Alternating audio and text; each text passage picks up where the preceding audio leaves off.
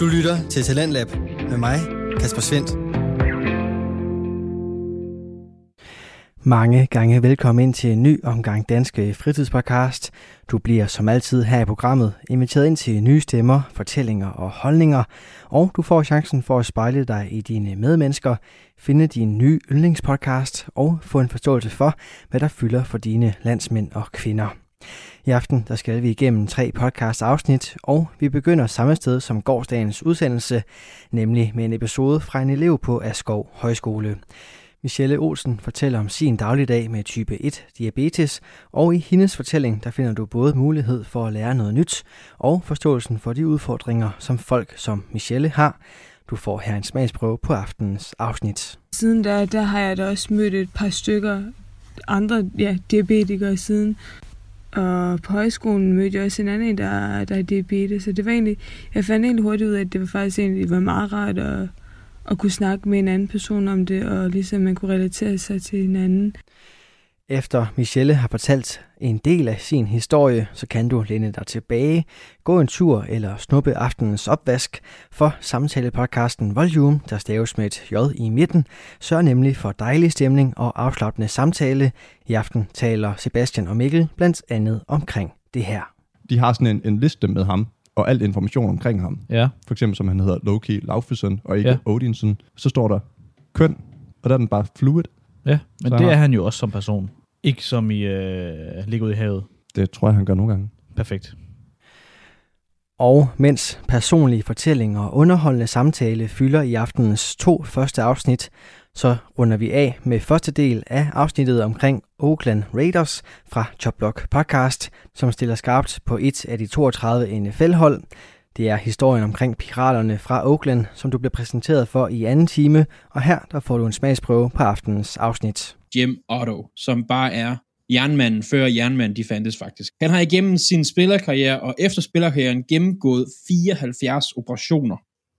Øh, flere af dem har været for at, at udskifte slidte led og infektioner i, i de der slidte led og sådan noget. Det første, vi skal høre her til aften, det er en podcast, hvor der deles personlig og privat information med det formål, at du som lytter skal blive klogere på dine medmennesker og kunne reflektere over, hvordan du selv lever dit liv. Det er en fortælling fra den 19-årige Michelle Olsen, der lige har afsluttet sit ophold på Askov Højskole. Imens hun var der, der optog hun den her episode, som handler omkring hendes liv med type 1 diabetes. Du kan i aftenens afsnit lære mere omkring de udfordringer, som folk som Michelle går igennem, og altså samtidig spejle din egen ungdom og dine udfordringer i dem, der bliver præsenteret her i afsnittet. Den chance og den fortælling får du her. Hej, jeg hedder Michelle. Og lige i øjeblikket, der sidder der på min venstre arm en lille rund klods. Og på mit højre ben, der sidder der en lidt større firkantet klods. Det er nogle elektroniske hjælpemidler, som jeg har, fordi jeg har nemlig type 1 diabetes.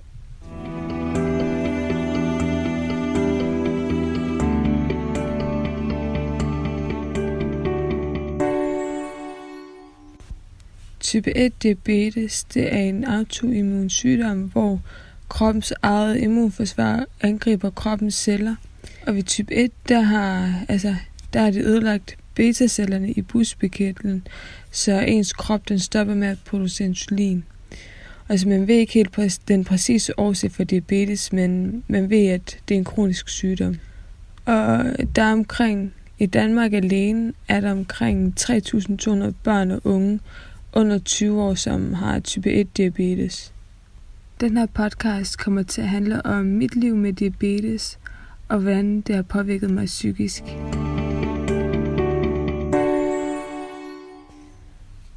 Jeg blev diagnosticeret med diabetes tilbage i februar 2013, da jeg kun var 12 år gammel. De symptomer, jeg havde på diabetes, dem kan jeg huske, de begyndte. De startede tilbage i december 2012, lige efter jul, hvor jeg, hvor jeg begyndte at tabe mig meget. Og i de der to til tre måneder, der gik før jeg blev, jeg blev øhm, diagnosticeret, der tabte jeg mig godt og vel 10 kilo. øhm, på de få måneder. Og jeg skulle hele tiden drikke en masse vand. Altså det var sådan, altså jeg, jeg fyldte min vanddunk op hver eneste, altså hver, hver time i skolen, og skulle hele tiden, øh, var hele tiden tørstig. Og jeg skulle også op og tisse hver eneste nat. Altså det var hver eneste nat. Jeg tror ikke, der gik en nat i de der par måneder, hvor jeg ikke skulle op og tisse om natten. Jeg kan faktisk huske meget tydeligt den dag, jeg blev, øh, jeg blev indlagt med den nyfundne diabetes. Øhm, jeg havde faktisk lige været hjemme hos mine bedsteforældre og skulle tage bussen hjem fra dem og tilbage til min mor. Og øh, det er godt at vælge en... Altså dengang turde jeg ikke tage toget af en eller anden grund. Øhm, så jeg tog bussen, og det var små to timer tog det. Øhm, jeg kan huske den sidste time af busturen, der skulle jeg virkelig tisse sådan meget, og toilettet i bussen, den var gået i stykker, så jeg kunne ikke komme på toilettet, og jeg sad der den sidste time og skulle virkelig afsted, og så kom øh, jeg til Sønderborg station, der hvor min mor og min papfar, de hentede mig. Øhm, og jeg kan huske, i den biltur øh, hjem til os, der, der fortalte de mig, at øh, de havde en mistanke om, at jeg måske har diabetes, type 1 diabetes, fordi jeg har en papfætter, som også er type 1, som også er type 1 diabetes. Og vi tog så hurtigt ned til, til ham. Der fik jeg så målt øh, ketoner. Jeg fik målt blodsukker og ketoner. Og han så bare kunne ikke lige umiddelbart måle med blodsukker, fordi det var simpelthen for højt, så de prøvede at måle med ketoner i stedet. Og ketoner, det er et, det er et affaldsstof, som kroppen producerer, hvis man har haft for højt blodsukker i alt for lang tid. Og det kan i altså, værste fald give, give syreforgiftning. Men bagefter, der, kom jeg så, der tog vi så direkte til vagtlægen, hvor jeg fik øh, taget nogle prøver, og der kunne de også se, at så, ja, der var noget galt, så jeg blev bare, så de indlagt mig direkte øh, på sygehuset Og jeg så ellers fik taget test efter test efter test. Og jeg var ellers så indlagt i en, en uges tid. Øhm, og det var jo et helt nyt liv, jeg skulle til at vende mig til. Øhm, hvor jeg de første, faktisk mange dage, tror jeg sin første halve uge, der, der, der turde jeg faktisk ikke gøre noget selv. Jeg turde ikke stikke mig, jeg turde ikke tage insulin selv eller noget som helst. Det var sygeplejerskerne, der skulle gøre det for mig, fordi jeg var så rædselslagen for nåle. Øhm, og jeg kan huske, at den sidste, den her sidste halve tid, jeg var der, der begyndte sygeplejerskerne at prøve for mig til at gøre det, at gøre det selv, fordi jeg skulle lære det, og nemlig så skulle jeg selv stå for det, og de kunne jo ikke være der hele tiden. Så det var meget skræmmende, lige pludselig at skulle stå med, med sådan noget.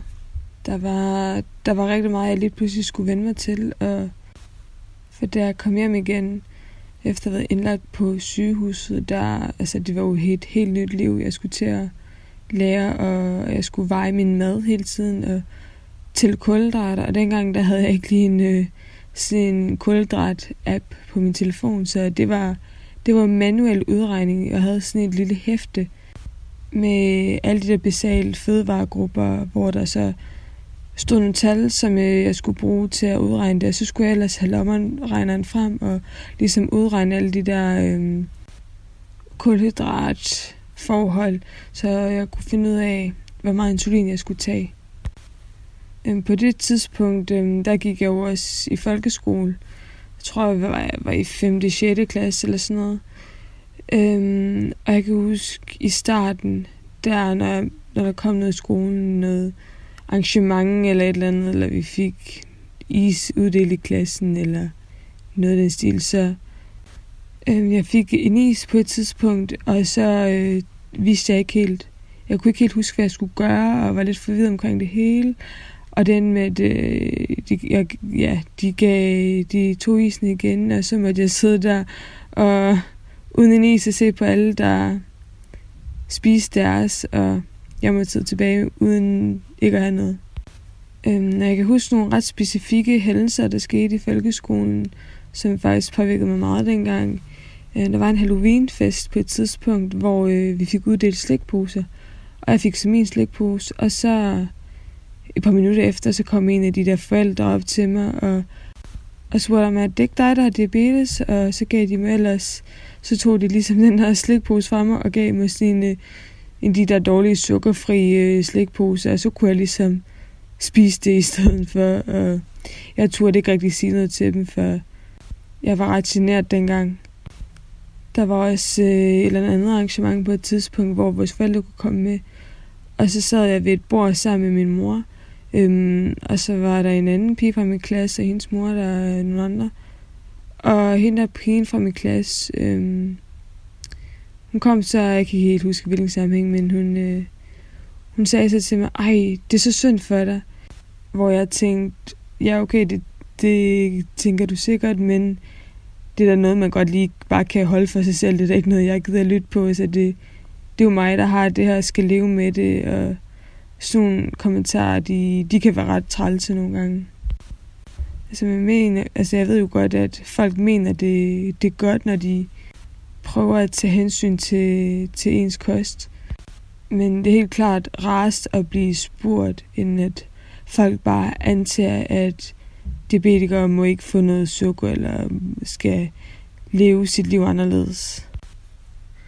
Et par år efter jeg fik diabetes, der omkring 2015, der gik det helt galt for mig. Altså, jeg, var, jeg blev så ligeglad med min diabetes, og jeg gad ikke at tage mig af den eller noget. Altså, den, den styrede mig, jeg styrede ikke den. Og, og det var tit sådan, at når jeg, altså, når jeg spiste en måltid, så ville jeg være for doven til at, til at tage insulin bagefter, så jeg udskød det i sådan fem minutter. Ej, jeg tænkte, ej, jeg kan godt lige vente 5 minutter, og så gik der 10 minutter, og så gik der 15 minutter, og så, så glemte jeg det hele, og så to timer efter, når jeg så målte mit blodsukker, så var det jo virkelig højt, og så tog jeg insulin, og så kom jeg ind i sin dårlige øh, rutine på den måde, og det, det var overhovedet ikke optimalt, og jeg kunne, mine forældre de begyndte at se, hvad, hvad jeg gjorde, og det gik virkelig skidt.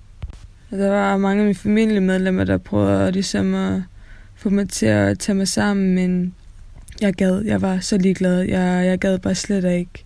Jeg kan huske, der var et familiearrangement, hvor øh, min papfætter, øh, som også har diabetes, hans far, øh, tog mig faktisk lidt til side og prøvede ligesom at forklare mig, hvad der ville ske, hvis jeg, hvis jeg stoppede nu, og alle de der følge sygdomme, der kunne, der kunne øh, ske, hvis øh, jeg kunne få, hvis ikke jeg gjorde noget. Og det, jeg kan huske, det skræmte mig lidt, hvor jeg tænkte, okay, jeg må lige tage mig sammen. Og så gik det okay fint, og så tog jeg lidt med sammen, og så faldt jeg jo bare tilbage i de der gamle rutiner. Men omkring sommertid i 2015, der, øh, jeg ved ikke, der skete noget, så jeg var, lige pludselig gik det bare for mig, at det, jeg, det var ikke godt, det jeg gik, og jeg havde brug for, altså jeg havde brug for en eller anden form for hjælp. Og det var, det var så der, hvor øh, jeg kom til at gå hos en øh, diabetescoach, som virkelig bare hjalp mig på det rette spor. Og hende har jeg faktisk gået ved i fem år, øhm, og snakker stadig lidt med hende her der, men hun hjalp mig med at, ligesom at, få mig til at indse, at det er mig, der skal, der skal have kontrol over, og jeg skal styre min diabetes, og ikke omvendt. Lige omkring den tid, hvor jeg gik på efterskole, der fik jeg faktisk øh, bevilling til at kunne få sådan en sensor. Og det er den her lille øh, runde klods, der sidder på min arm, hvor øh, der er en lille nål, lille blød nål, som øh, sidder inde i min arm, og så måler mit blodsukker 24-7. Og den, øh, den sidder så i 14 dage, hvor jeg så skal skifte den. Og så skifter jeg den mellem øh, mine arme. Så vi sidder på højre og venstre arm. Da jeg så øh, kom i gymnasiet, der, der begyndte jo alt det med fest og alkohol at komme ind og sådan noget. Og jeg var, altså, jeg var ikke en, øh, en festpige i gymnasiet. Jeg, jeg gad ikke drikke alkohol og fest hele tiden. Jeg tog med til nogle forfester, så tog jeg med til nogle af gymnasiefesterne, og det var sådan det. Jeg gik ikke med videre i byen overhovedet. Altså, når jeg tænker tilbage, så tror jeg, at med diabetes og alkohol, det, det var jeg lidt, lidt bange for, fordi jeg vidste, ikke, altså, jeg vidste jo ikke, hvordan jeg ville reagere, eller hvordan jeg lige skulle have det med at gøre, så det var sådan, jeg, drak, altså, jeg drak mig jeg blev aldrig fuld. Øhm, jeg tror, jeg drak højst to sejlers til en fest, og så måske to et shot eller sådan noget. Og det var det, og det var ikke nok til, at jeg, jeg kunne blive påvirket af det. Så jeg tror heller ikke helt, at jeg var klar til at, at drikke på det tidspunkt, når jeg var så meget bange for, at i tvivl om, om hvad der, der kunne ske. Og heldigvis havde jeg en virkelig god omgangskreds i gymnasiet, der ligesom accepterede og havde det helt fint med, at jeg kunne sagtens være med til festerne og have det sjovt, uden at drikke og blive fuld. Og jeg havde heldigvis også et par andre gymnasievenner, der, der var ligesom mig, der ikke, øh, der ikke rigtig gad at drikke.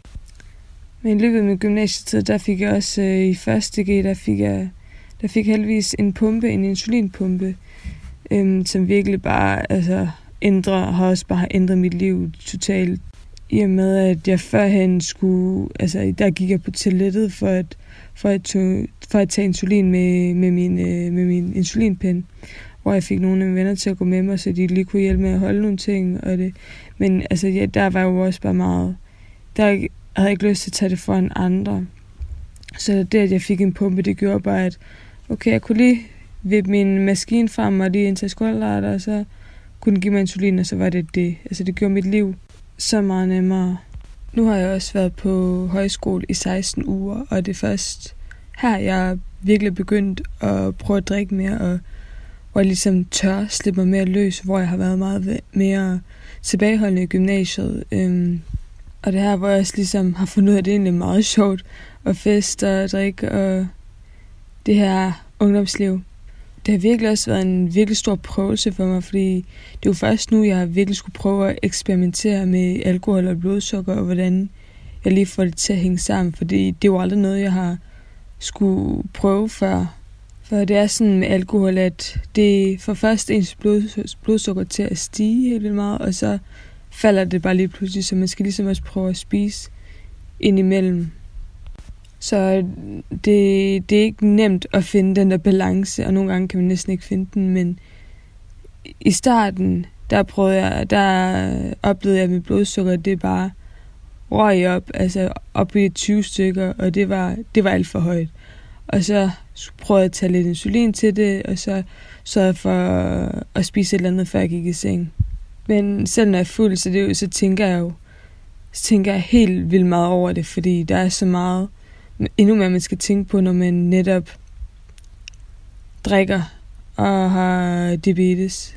Inden jeg drikker, der skal jeg også tænke på, okay, jeg starter lige med at tage insulin for de første to genstande, og så prøver jeg en pause, og så når jeg måler mit blodsukker igen, så kan det være det lidt for højt, og skal jeg lige tænke, okay, skal jeg tage noget lidt mere insulin, skal jeg lige tage noget at spise, hvad skal jeg lige gøre, for at det ikke bliver helt lavt, øhm, for man danser også meget, og drikker hele tiden indimellem, og ligesom den der balance, man skal finde ud af en masse ting, og så hvis ens blodsukker så på vej ned, så er det sådan, okay, går det helt ned, eller skal jeg lige tage noget at spise? Og så tager man måske lidt at spise, og så inden man går i seng, så skal man også lige, så kan det være, at den ligger på omkring de 13-15, og så tænker så, altså man har lyst til at tage insulin, for lidt det der hjerne, ens hjerne tænker, okay, det er højt, jeg skal til insulin, men man har drukket, så det kan også være, at det er på vej ned.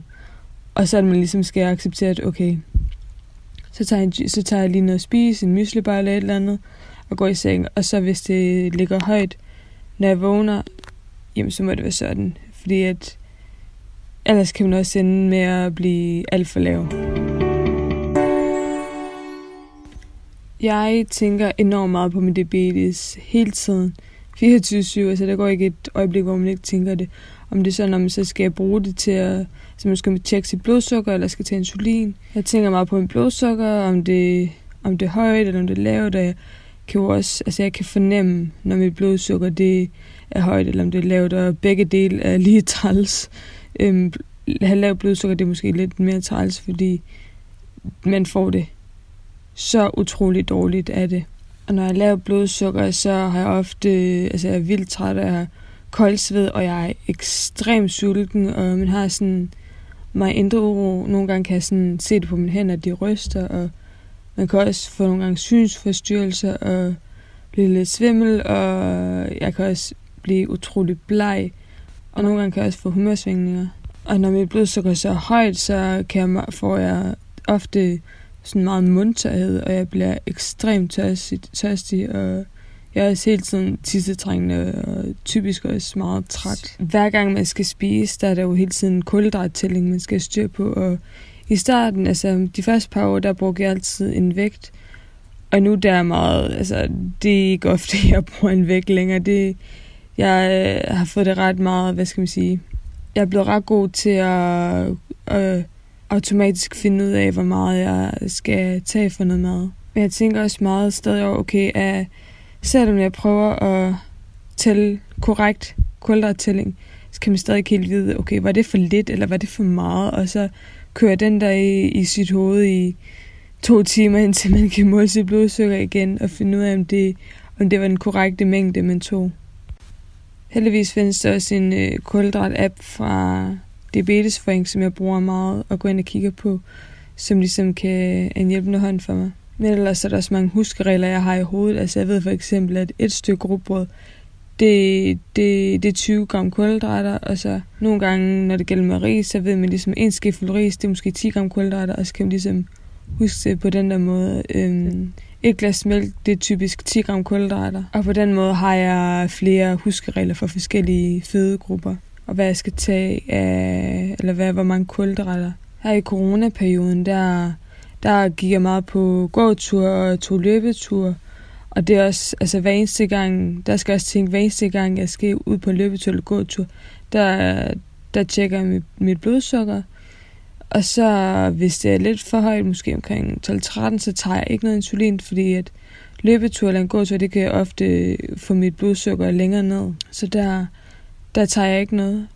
Og er mit blodsukker måske på 7, eller der, hvor det skal ligge, så kan jeg godt finde på at, tage, at drikke en juice, eller tage myslibar, eller et eller andet, fordi at ellers så ved jeg, at mit blodsukker, det, det bliver lavt, hvis ikke, jeg, hvis ikke jeg gør det. Og fordi jeg har en, en insulinpumpe, så har jeg også mulighed for skrue ned på min midlertidige basal. Og det fungerer på den måde, at jeg kan for eksempel slå midlertidig basal helt fra, så den slet ikke giver mig noget insulin på noget tidspunkt. Og det kan jeg øh, selv vælge mellem, hvor lang tid jeg vil sætte den til. Måske en halv time, eller en time, eller halvanden. Og jeg kan også godt omvende at jeg, at jeg sætter den mere op, måske på 20%, så giver den mig for eksempel 20% mere insulin i en halv time eller en time, kommer an på, hvor lang tid jeg sætter den til. Og jeg kan også sige til, at den skal give mig for eksempel 70% mindre insulin, eller 80% mindre insulin i, i hvor lang tid jeg inden vil have det. Så den funktion har jeg også brugt meget, når jeg skal på en løbetur eller en gåtur. Altså før i tiden, der var jeg også meget usikker omkring min diabetes, fordi at jeg var på pand, og øh, jeg skulle også stikke mig selv i fingeren.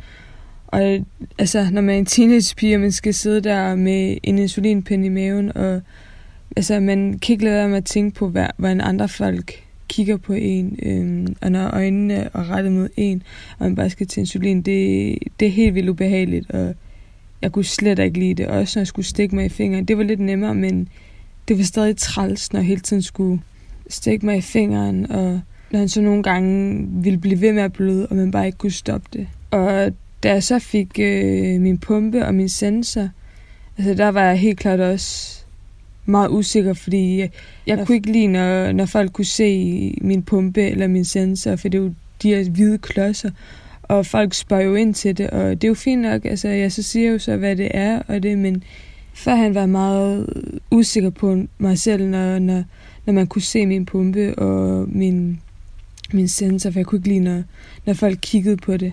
Men i dag der er jeg blevet meget mere komfortabel med det. Jeg faktisk, altså det er faktisk først i år, her i 2021, hvor jeg er blevet mere komfortabel, mere ligeglad med det. Altså nu, nu går jeg i det tøj, jeg vil, og hvis det, hvis det ikke dækker min pumpe eller min, min sensor, jamen, så er det lige meget. så, så er det fint nok, og det, det er jeg glad for, at jeg er kommet hen til det stadie i dag. Siden jeg fik øh, diabetes, der har min familie der også flere gange så spurgt, om jeg ikke ville, om jeg ikke ville mødes med andre jævnaldrende med type 1 diabetes, så kom til sådan nogle møder, hvor man møder andre børn og unge. Men jeg har altid sagt nej til de ting, fordi jeg, jeg altid, jeg har altid følt, at, følt, at det så måske ville blive lidt for meget diabetes, og jeg vil aldrig rigtig, altså jeg vil ikke have, at hele mit liv, det kun skal dreje sig om diabetes, og det var jeg bange for, at det ville komme til at gøre, hvis jeg tog med til de der møder.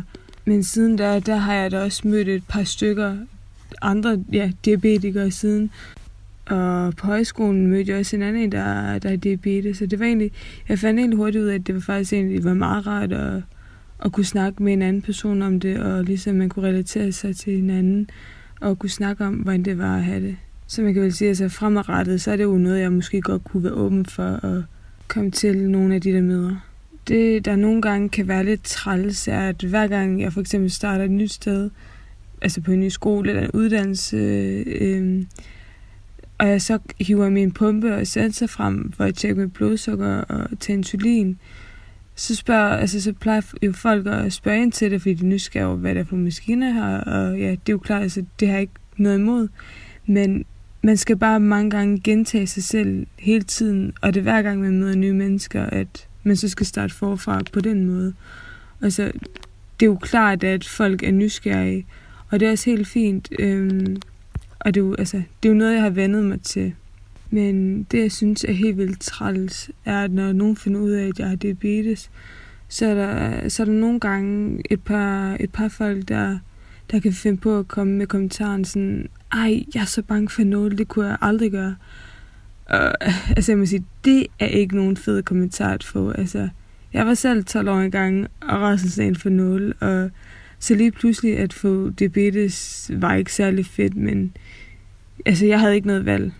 Jeg synes stadig, det er helt vildt træls at have diabetes, men altså, jeg kan ikke gøre noget. Jeg har accepteret, at det er den situation, jeg er i, og at det er mig, der skal styre min diabetes, og ikke diabetesen, der skal styre mig. Jeg er også før blevet spurgt om, hvordan jeg vil have andre ser på mig, og altså, der vil jeg bare sige, at ja, jeg er ligesom alle andre. Altså, man kan ikke som sådan se, at jeg er diabetes. Man kan, man kan nok se på min pumpe og sensorer, hvis, de, hvis jeg har noget tøj på, der gør det synlige. Øhm, og hvis jeg så har lavt blodsukker, fordi jeg får det rimelig dårligt der. Men udover det, så er det jo ikke, så det er jo ikke en synlig sy, øh, sygdom som sådan. Og jeg må også spise og drikke det samme som alle andre. Jeg skal bare sørge for at tage insulin til det. Det var lidt om min historie og mit liv med diabetes, og hvordan jeg ser på det. Så tak fordi I lyttede med. Du lytter til Radio 4. Det var aftens første fritidspodcast, og den kom fra Michelle Olsen, som var elev på Askov Højskole her i foråret. Hun delte sin historie omkring livet med type 1 diabetes, og jeg håber og tror, at du fik noget ud af den historie. Det ved jeg i hvert fald, at jeg gjorde. Det næste, vi skal til, er knap så seriøst og er helt overlagt skabt til dig som underholdning og en flugt fra hverdagen. Det er, når Sebastian Volter sammen med vennen Mikkel Jespersen laver podcasten Volume, der staves med et j i midten. I den der deler de ud af sjove anekdoter, holdninger til tidens tendenser og fylder dine øregange ud med god afslappende samtale. Du får første del af aftens afsnit lige her. Det tror jeg også. Ja. Velkommen til. Okay, vi er i gang nu. Yep. Du Ja. lytter til Volume Podcast med Mikkel Jespersen og Sebastian Volter. Og jeg er Sebastian Volter. Ergo er jeg. Mikkel Jespersen. Præcis. Vi har fået ny lyd, intro. Det Ja. hørte I måske sidste gang. Det gør I, og øh, hvis I hørte sidste gang, hvilket I jo selvfølgelig har gjort, så havde vi jo Rasmus Wallbridge Ja. med inde. Og hvis I ikke har hørt det, så pause nu. Lyt det andet. Og så kom tilbage her Og så kom tilbage. ja, lige præcis. Nej, det var... øh, Velkommen tilbage her til, efter du lige har hørt uh, Wallbridge. vil Ja, lige sige. præcis. Øh, og nej, vi har ikke tænkt os at gå i dybden med det, men Nej, fordi det kan man høre. ja, men han var mega fed. Det, det, det hører man jo nok også, hvis man hører det. Allerede teaser, vi har en ny gæst til næste afsnit. Det har vi, ja. Og det bliver fedt. Og det var det. Og det var det. Måske. Måske. Men altså, du har et outfit på, der er fedt i dag. Ja, øh, Det kan ja. man ikke se. Nej, men jeg har lavet, Det skal man være glad for, skal Ja. jeg lige hurtigt sige. jeg har lavet lidt det for Buddha Move, og nu får jeg det snart varmt, så jeg kommer også til at break den. Og Øh, der er en helikopter og en græsslåmaskine og en fugl og, og, og blæst i baggrunden, fordi vi har åbnet vindue, da det jo er varmt. Som. Umiddelbart hører jeg det ikke lige i mikrofonen, eller i headsettet. Nej. Nå, tilbage til mig. Men hvis de hører det, så ved de hvorfor nu. Det er rigtigt. Øh, det er ikke lyde, vi sætter ind for at Det lærte vi af Rasmus Wallbridge, lige her lytteren. Ja, det er rigtigt, som han jo så lærte af Esben Bjerre. Så vi har lært det af Esben. Så vi har faktisk lært det af Esben. Tag lytteren med. Øh, jo, jeg har lavet det for Buddha Move i dag. Øh, jeg har taget joggingbukser og en skjorte på. Og du har taget et par blå joggingbukser med en skjorte med sådan nogle orange streger. Og det er de blå Adidas, selvfølgelig. Ja. Og så sådan en skjorte ternet med orange streger og brune streger. Altså, der er ikke noget... Og så er der en grøn t-shirt indenunder, så der er altså Der er intet noget- farve Der sammenspil her. overhovedet ikke noget, der hænger sammen. Slet ikke. Det er godt. Ja, det Men altså igen, det er jo derfor, vi laver radio og ikke tv. Ja, lige præcis. Mest fordi vi ikke kan lave tv. Ja, men det var fordi, jeg kunne ikke helt vurdere vejret, øh, og så tænkte jeg, skulle jeg have shorts på, skulle jeg ikke, øh, og det kan også være kedeligt. Men, øh, og så havde, jeg ikke, så, så havde jeg ikke lige nogen trøje, jeg lige sådan tænkte, jeg ville have på, så jeg, tager sgu lige den her skjort her på. Den er sådan lidt, nu tager jeg den så af igen. Det minder om, jeg så verdens sejeste person i går. Ja. Hun øhm, kom gående, bor i Viby, eller øh, ja, ude i Viby. Nogen vil sige Aarhus. Jeg vil, folk fra Aarhus vil sige ikke Aarhus. Vi har faktisk også noget Viby-nyhed med lige om lidt. Men Ja. øh, fortsæt.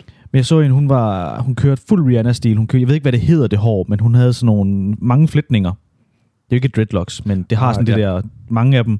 Og så kørte hun Jordans på fødderne, så kørte hun en eller anden øh, fed stor shorts, lidt oversized t-shirt, men også sådan en, øh, jeg vil kalde det en, det var ikke en basket, men det var måske sådan lidt øh, NFL t-shirt-agtig, men jeg ved ikke, om det giver mening. Jo, sådan en øhm, øh, jersey. Ja, men ikke sådan en tanktop Nej, okay. ting, men Ja, okay. t-shirt. Ja, jeg Ja. kan ikke huske. I hvert fald vanvittigt fedt. Nice. Det lød mere Billie Eilish, da du fortalte det. Fordi Nej. det hele var lidt stort og poset. Nej, men det var det ikke. Det var fedt. Det var sådan meget, øh, meget fedt. Og det gør endelig det. Altså, tag, tag fede ting på. Ik- ikke skjorte og joggingbukser. Nej. Det skal jeg faktisk ikke gøre igen. Jeg ved overhovedet ikke, hvad jeg skulle beskrive. Det er svært at sige, når jeg, men jeg har et billede af, hvordan hun så ud. Det var fedt. Det var fedt. Øhm, om jeg har det samme billede, det, det aner jeg ikke. Nej. Er ikke noget med din, din far, han også har det med at gå meget i, i... Nej, det er mere polo og Adidas. Skjorte er Adidas. Ja, nok det hele. Ja, det skal han også stoppe med. Men det, det retter Det hørte på. du her først. Så hold op. Øh, ja, jeg ved ikke, om vi skulle blive i Viby. Jo, bliv i Viby. Oh, ej, det kunne være hende, der kom. Hun lignede en, der kom gående dernede. Nå, du kan ikke se hende nu. Jeg kan ikke se hende. Ligegyldigt. Jeg kunne se en krav. Det var ikke hende. Nej. Hurtigt for det med. Det var ikke hende. Jeg så engang en gå med, med en krav, øh, som hun sådan kunne kalde til sig. Altså med i snor. Dog ikke. Men den sådan fløj rundt, og så kaldte hun den sådan til sig. Jeg skal kunne hun så et kald. Hun kaldte på kraven. Og så nogle gange så kom Nå. den ikke, og så hun virkede sådan lidt, lidt sær. Er sikker på, at de var sammen, og hun ikke bare havde mad. Jeg er ikke helt sikker. Men- Du, vil, du vil være i Viby. Du har noget med fra Viby. Nej, det har du. Har jeg det? En lærer, der blev suspenderet. Nå, er vi allerede så langt? Ja, det er... Og det er så uheldigt. Jeg troede ikke, at vi var nået dertil allerede. Men det kan vi sagtens tage. Vi er i Viby stadigvæk. Ja. Ikke langt herfra. Lige ved Mega Syd. Til alle kenderne. Ja, ja, lige præcis. Og ved man ikke, hvad Mega Syd er, jamen så... Forestil dig et kæmpe USA's parkeringsplads med øh, sådan nogle store kæder rundt om øh, elektronik og McDonald's. Lige præcis. Erhvervsakademiet ligger derude. Ja. Men i hvert fald, en underviser har siddet med øhm, sin, øh, jeg kan ikke huske, om det er en anden eller tredje G eller første G. Det er sådan set ligegyldigt. Han har siddet med sine elever Ja. På Zoom, som man jo skal. Det, Skulle. Det skulle nu. Det, det kommer vi skulle til senere. Ja, okay. Øhm, og så man bare siddet og, nu skal I lige gøre det, og I har det her, I skal lave, og I får lige en opgave, og så har I lige nogle timer alene, hvor I lige skal hygge jer. Og det har han så taget bogstaveligt også selv. Ja, han havde også nogle timer alene, han lige skulle hygge sig. Ja. Ja. Så han havde øh, ligesom sendt dem ud i nogle grupper, Ja. sagt, læs det her. Så havde han ligesom, hvad skal man sige, så han sat sig over i sin sofa, ja, fordi han havde også lige nogle timer alene. det havde han. Og så, øh, ja, så havde han så brugt de timer alene. Ja, han havde, han, havde, Han brugte sig selv de timer alene. havde han lige husket at slukke for Zoom-opkaldet. Og det er jo så det, der er historien, det er... Jeg ved ikke, og historien er faktisk... Jo, det er jo, at han har glemt at slukke sit øh, kamera på Zoom. Mm. Jamen, der var nemlig to ting, jeg fandt er- over i det her. Jamen, det er fordi, det, det første er... Han sidder simpelthen lige og... Har en privat affære. Han sidder lige og piller lidt ved sig selv over i sofaen. Det står der ikke. Der står bare, at der er blevet Der er, kommet en, øh, nej, der er kommet en senere artikel. Nå, pis. Så han, øh, han sidder lige over i sofaen, hygger lidt. Ja, okay. Og øh, Nå, jamen, jamen altså, man kan sige, hvorfor skulle han have lyst til det lige efter et Zoom-opkald med sine, øh, med sine elever? Men det skal vi ikke ind i. Nej, Øhm, når man skal, så skal man. Åbenbart, virkelig meget. Men i hvert fald, så har han sat sig væk. Ja. Der er så lige den, han har lige glemt at trykke på en lille røde. Ja. Slå kameraet fra. Altså, det er som den første. Klap computeren sammen, et eller andet. Det kan jo være en stationær. Det kan være, Ja. at han har en iMac. Den er svær at klappe. Det er rigtigt. Men i hvert fald lige glemt at trykke. I hvert fald på kameraet, og derefter på mikrofonen. I hvert Ej, fald der så har han... Det øh, hele med. Der, der var det hele. Dejligt. Så han har siddet derovre, og der var så det næste, der er så sidder en elev på den anden side af en eller anden skærm. Ingen ved, hvem eleven er. Også så har haft imponeret.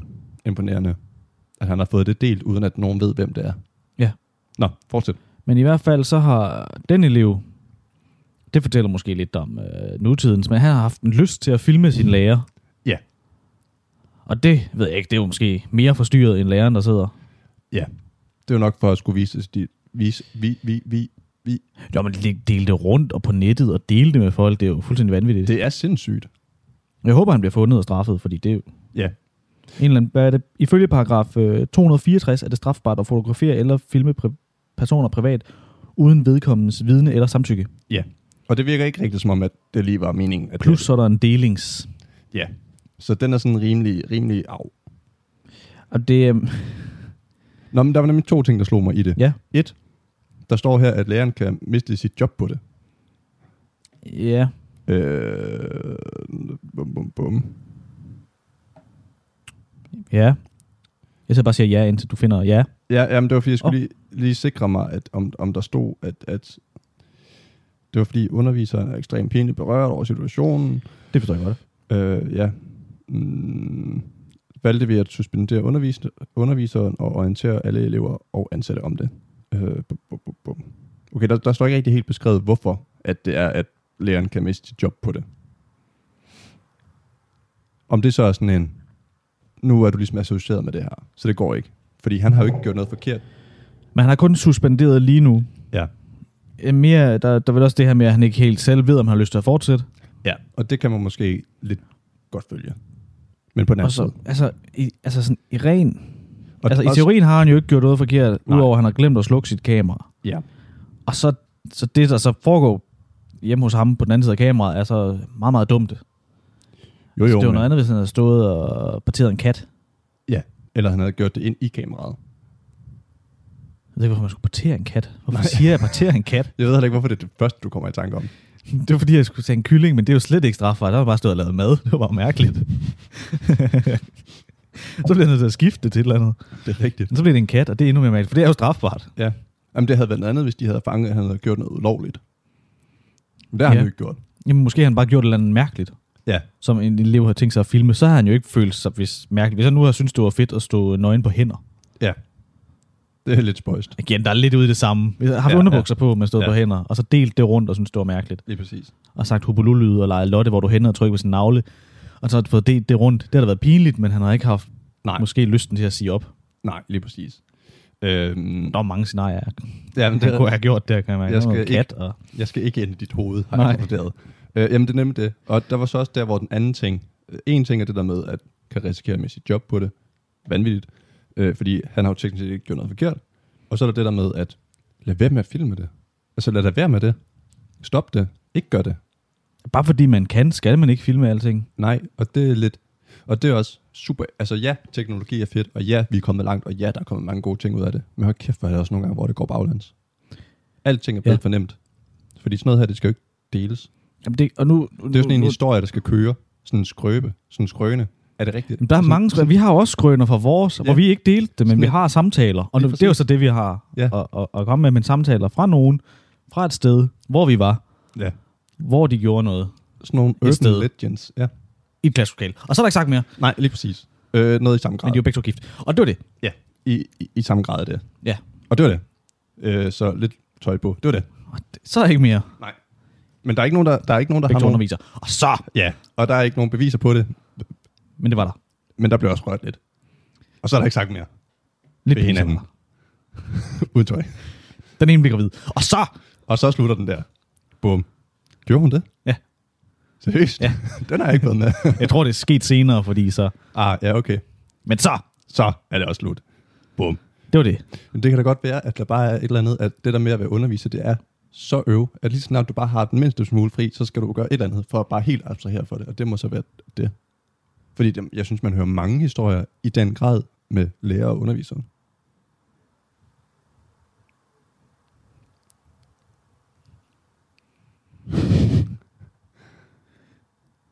Jeg ved ikke, du blev meget stille. Ja, Det, men øhm, det var fordi, vi siger noget, og så kom du ind på et spor, jeg ikke vil med ned af.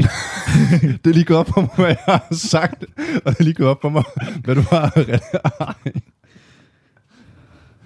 skal, skal vi lige break den? Nej, men øhm, det var fordi, du snakkede om ting, man ikke skulle dele. Og det, vi snakker om, vi ikke skulle snakke om det.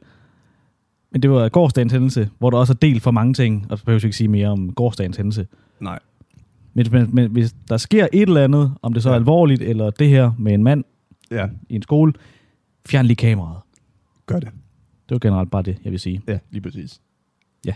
Snak om det. Lad Ja. være med at vise det. Ja, lige præcis. Ja.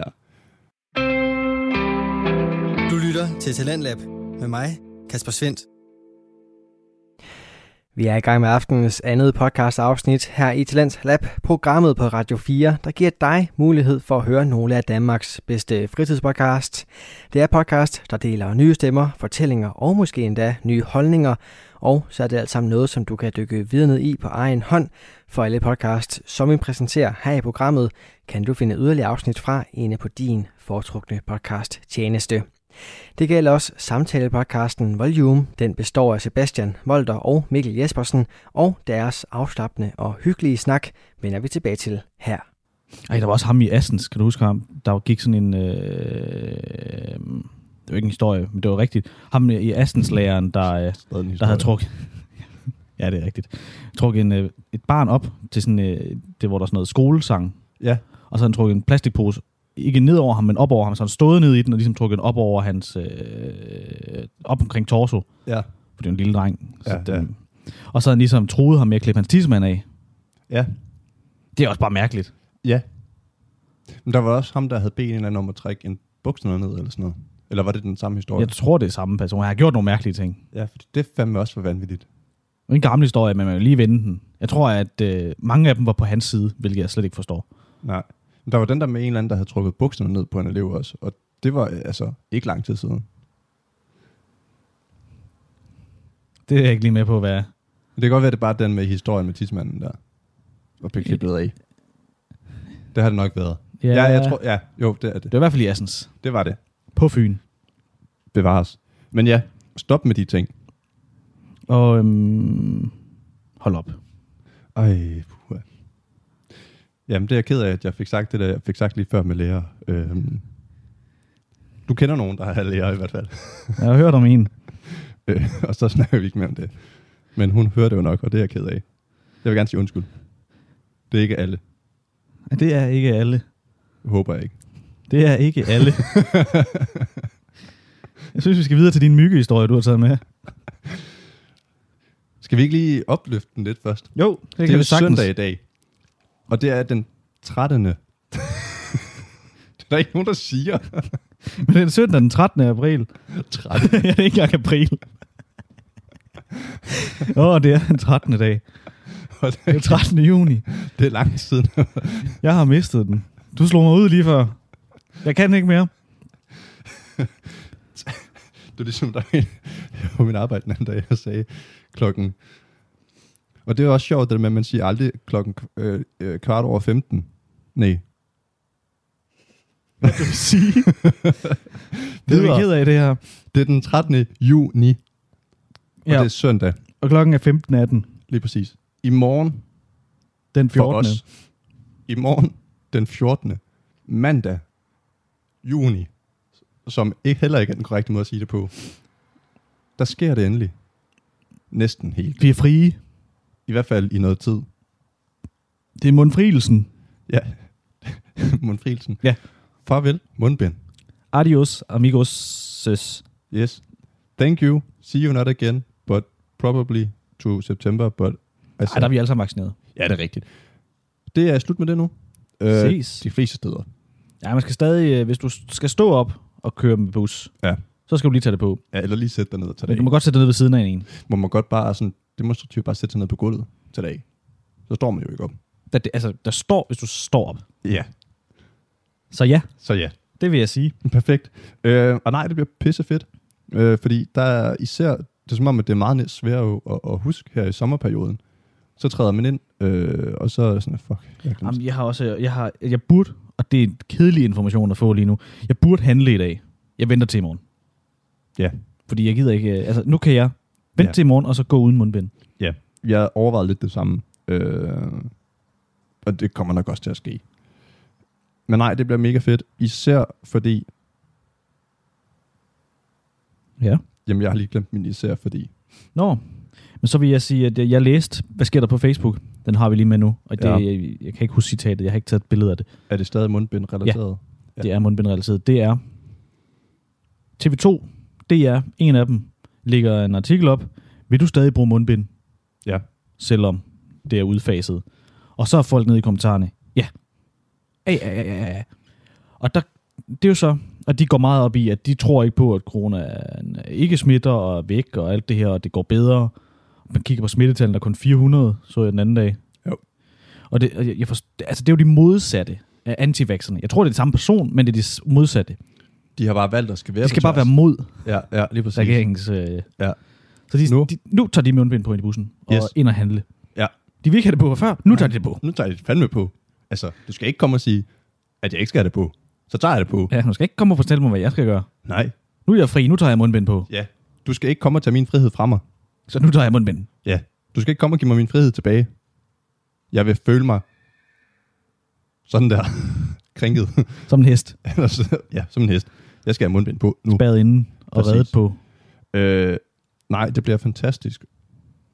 Og det er utroligt, at man stadigvæk glemmer det. Jeg tror til gengæld også, at de første gange bliver sådan lidt... Sådan Ej. lidt mærkeligt. Jeg kan fortælle, at øh, i morgen, når jeg vågner, har jeg glemt alt om, at min mundbind har eksisteret. Perfekt. Perfekt. Vi har allerede glemt det nogle gange stadigvæk, selvom man har brugt det i et halvt år. Ja, men prøv at gå ind. Gå i panik over, at man har glemt det. Kom i tanke om, nå ja, det må jeg gerne. Der slog jeg lige til mikrofonen. Det var lidt irriterende. Men nu skal man... Øh, altså det værste er, at nu skal man jo til at børste tænder igen. Gud. Det har man ikke skudt et halvt år. Ej, og slut med hvidløg. Ja. Øv. Det er så trist. Nu skal jeg til at børste tænder en gang til. Ja. Det har vi ikke skudt et halvt år jo. Nej, nej, nej. Det må jo ikke skulle vise sine øh, tænder og mund alligevel. Nej, Åndenfolk i hovedet. nej, du må faktisk gerne lige stoppe med at snakke nu, tak. Ja. Du, du trækker vejret utrolig meget i dag. Eller også er det mig. En af os er i live. Perfekt. Fuldstændig. Øh, nej, så det bliver mega skønt. Ja, jamen, øhm, du snakkede om noget myg, jeg skulle snakke om. Myter om myg. Myter om myg. Og jeg troede, det var en, øh, en Ej, det var- anden, øh, det er faktisk befrielse for myg. Jamen, det er mere også en, jamen, det er nemlig sådan en, hvad kan du gøre? Øhm, der var to ting i det her, som, øh, hvor mange øh, arter myg findes der i Danmark? Har du læst artiklen? Nej, jeg har ikke læst den. Er det, er det dødspændende, det du vil komme med nu? Det håber jeg, jeg kan gøre det. Fedt. Jamen, det var bare lige med mange arter. Det lyder allerede kedeligt, hvis du skal til at ramme sådan 700 arter op. Det havde jeg ikke tænkt mig. Nej, perfekt. Jeg blev bare lidt overrasket. Hvor mange arter findes der? 1000. Det står jo lige der. Ja. Står lige her. Det kan godt være, jeg skulle have sagt. Du skulle ikke lige kigge. Nå, jamen, jeg synes, det var godt. Bare fortsæt med quizzen. Okay, vi tager alle rådene. Jeg vil, jeg vil være med nu, for nu sidder jeg også med artiklen. Ja, perfekt. Hvad er råd nummer et? Eller hvad, hvad virker af myte nummer et? Det er duftlys. Hold... For helvede, det kører godt i dag. Duftlys holder myggene væk. Det er så her, at jeg ikke lige har, har, har, har læst, om det faktisk gør det. Jamen, så kan jeg fortælle dig, at det gør det. Perfekt, så du skal bare altid rende rundt med duftlys Fordi på at dig. øh, myggens lugtesans er super... Der kom jeg tæt på. Ja, det kunne jeg godt høre. Super duper, duper øh, gode til at lugte. Ja. Det er deres lugtesans. Den er god til at lugte. Den er god Selve til myggen er ikke. Nej, Men lugtesansen lugter bare godt. det er fantastisk. Og øhm, de Duften. kan opsnuse alle mulige dejlige kropslugte. Sved, tis, blod. Men derfor kan duftlys lige øh, forvirre myggen. Uh, sig, jeg er ikke et menneske. Ja, jeg er et duftlys. Så man Forsvind. ikke bare smøre sig ind i duftlys, så? Øh, jo, men jeg tror, det effekten er, at det skal brænde, så det dufter. Smør dig ind du- duftlys og sæt ild til dig selv. Ja. Det virker. Godt. ja, puberteten er lige ramt. Det er jeg ked af. Åh, oh, det er godt det her. Så altid have duftlys på dig tændt. Samtidig med, at du kamuflerer dig fuldstændig. Ja, fordi tag tøj, tag den rigtige farvetøj på. de bliver dødforvirret, hvis du tager mørkt tøj på. Nej, de er tiltrukket af mørke farver. Altså, du klæder dig fuldstændig ind i camouflage. Det virker, fordi så kan de ikke se dig. Fordi de tror, du er en busk, når du ligger der i din seng og sover om natten, Perfekt. når de angriber. Så tror du, du er en busk, der ligger i sengen. Men problemet er så, at det virker ikke rigtigt, fordi det stadig lugter. Ja. Det er meget lugtesansen. Og det er derfor, du har duftlys på dig. Altid. Jeg smut ind i duftlys. Ja, ja. Samtidig med, at du har camouflage på. Ja, lige præcis. Så ved de ikke, hvor du er. Nej. Du er bare væk. Nu, nu findes du ikke mere. Når de så har angrebet dig, som de jo gør Ja. alligevel, for du har lige glemt at smøre højre knæ ind i duftlys. Ja. Så, øhm, Så er der det der med, at man lige kan sætte et kryds med neglene ned i, i, i, i, i myggestikket. det virker ikke. Så lad være med det. Det ser også dumt ud. Ja, det, det virker. Altså, jeg har prøvet, og det virker ikke. Og jeg kan se, det virker heller ikke. Nej, jeg har ikke engang lyst til at læse svaret, om det virker. Bare lad være. Ja, og, det, og lige det næste, så står der også, at det kun er hunden, der stikker. Så Ja. hvis du ser en handmyg sætte sig på dig, ikke slå den. Nej, lige præcis. Lad den være. Ja, så hold hunderne væk. Ja. Yes. Det kan du tydeligt se forskel, jo. Det er meget nemt. Det er meget nemt at spotte. Ja, der er også myg, der ikke stikker. Ja, handmyg. Jamen også, også øh, Ikke stikkende myg. udefineret af køn, der ikke stikker. Ah, Der er stikmyg, og så er der myg, der ikke stikker. Ja. Fordi det er også... jamen Fedt. det er fedt at vide. Ja. Ja. Dyrenyt. Ja, ja, lige præcis. Og så skal du lade være med at, at gå, ind i, i, gå ud i skumringen. Og det tænker jeg er generelt et godt råd. Ja, det har ikke noget myggen at gøre, for det virker ikke. Bare lad være med at gå ud til skumringen. Jeg ved ikke rigtig helt, hvad skumringen er. Det er lige når inden det bliver mørkt, men også efter det er lyst. Nå, Det var det skummer. Det ved jeg ikke, om det giver mere mening. ah, ja, okay. Så det, ja, Der findes ikke et myggefrit tidspunkt på døgnet. nej. Så om aftenen kommer der ikke mere. Nej. Flere myg. Jo, nej, ja. Nej, der kommer ikke flere myg. Nej. De er her stadig. De er, de er der stadig. De, de er ikke øh, væk. Altså, de er måske bare et andet sted, men de er der stadigvæk. Men lad være med at gå ud i skumringen. Og det bedste råd fra eksperterne, Det er, at du skal gå tur med, øh, med, med, med, med en hjort. nej, det, det, det er faktisk et meget bedre råd. Det er ellers bare det billede, der er. Det er Jens Tovi Andersen, der fortæller det bedste råd. Han skriver, han siger, mit bedste råd er, at folk tager sig lidt sammen. Vi er gået hen og blevet bange for dele af naturen. Og det synes jeg, vi skal få lavet om på. ja, fucking tag jer sammen. Tag er jer sammen. Ja. Det Så, har ikke noget med øhm, myggene at gøre. Det er Du skal bare, ikke være bange for de myg. Nej. Bare øh, lev, ja, for helvede. ligesom myggene. Ja. Lev Tag til blod. Afrika, og så leg med de myg. Der er også myg herhjemme, så bare bliv. Nå ja. Men ja, bare tag jer sammen derude. Det, øh, det, er godt, det er et godt råd. Det kan bruges til det hele. Det bedste råd er, tag lidt sammen. Det, Det- det er meget korrekt. Det, det er perfekt. Så der, der ved jeg det. Hvis I ikke vil have myggestik, så bare camouflagetøj og duftlys. Og ikke... Jeg kan ikke huske, hvad det andet var. Nej, men det var det der med, med altså, lad være Ja. med at sætte krydser, men det, det, det hjælper ikke, hvis du Nå har ja, fået det det. er rigtigt. Kam- Camouflagetøj, duftlys og tage sig sammen. Ja, og så kun invitere hanhunderne, eller hanhunderne. Det hedder Ja, det er rigtigt. Inviter alle hannerne ind. Ja. Ingen hunder. Hanhunder. For helvede, der er ikke noget, der virker i dag. Apropos hanhund og køn og sådan noget. Øh, det er ikke noget, vi har noteret, men Loke og den nye serie Loki, der ja. Ja. er han faktisk defineret som intet køn. Det er sådan en mand. Haha. Øhm, Sjov joke. ja, nu ved jeg ikke, hvor meget vi skal... Det, det, det, det tror jeg, det bliver en fed serie. Jeg tænker, vi kører en opsummering, når vi har set alle afsnit. Ja, der er lige startet Loki-serien. Vi snakker om, vi glæder os helt vildt. Jeg så sådan en breakdown af det første afsnit.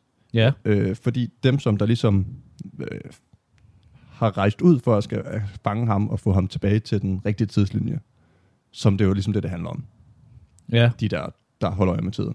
De har sådan en, en, en, en liste med ham, og al information omkring ham. Ja. For eksempel som han hedder Loki Laufesen, og ikke ja. Odinson, øh, og hans type og alt det der. Så står der køn, eller sex, som det jo så hedder mm. på engelsk. Og der er den bare fluid. Ja, men Så det er han jo også som person. Ja, ja, lige præcis. Men, men så det, der er faktisk øh, intet køn med nu i Marvel-universet. Det er da meget fedt. Ja. Stort. Men det er han jo så også åbenbart, altså i forhold til den rigtige sådan mytologi.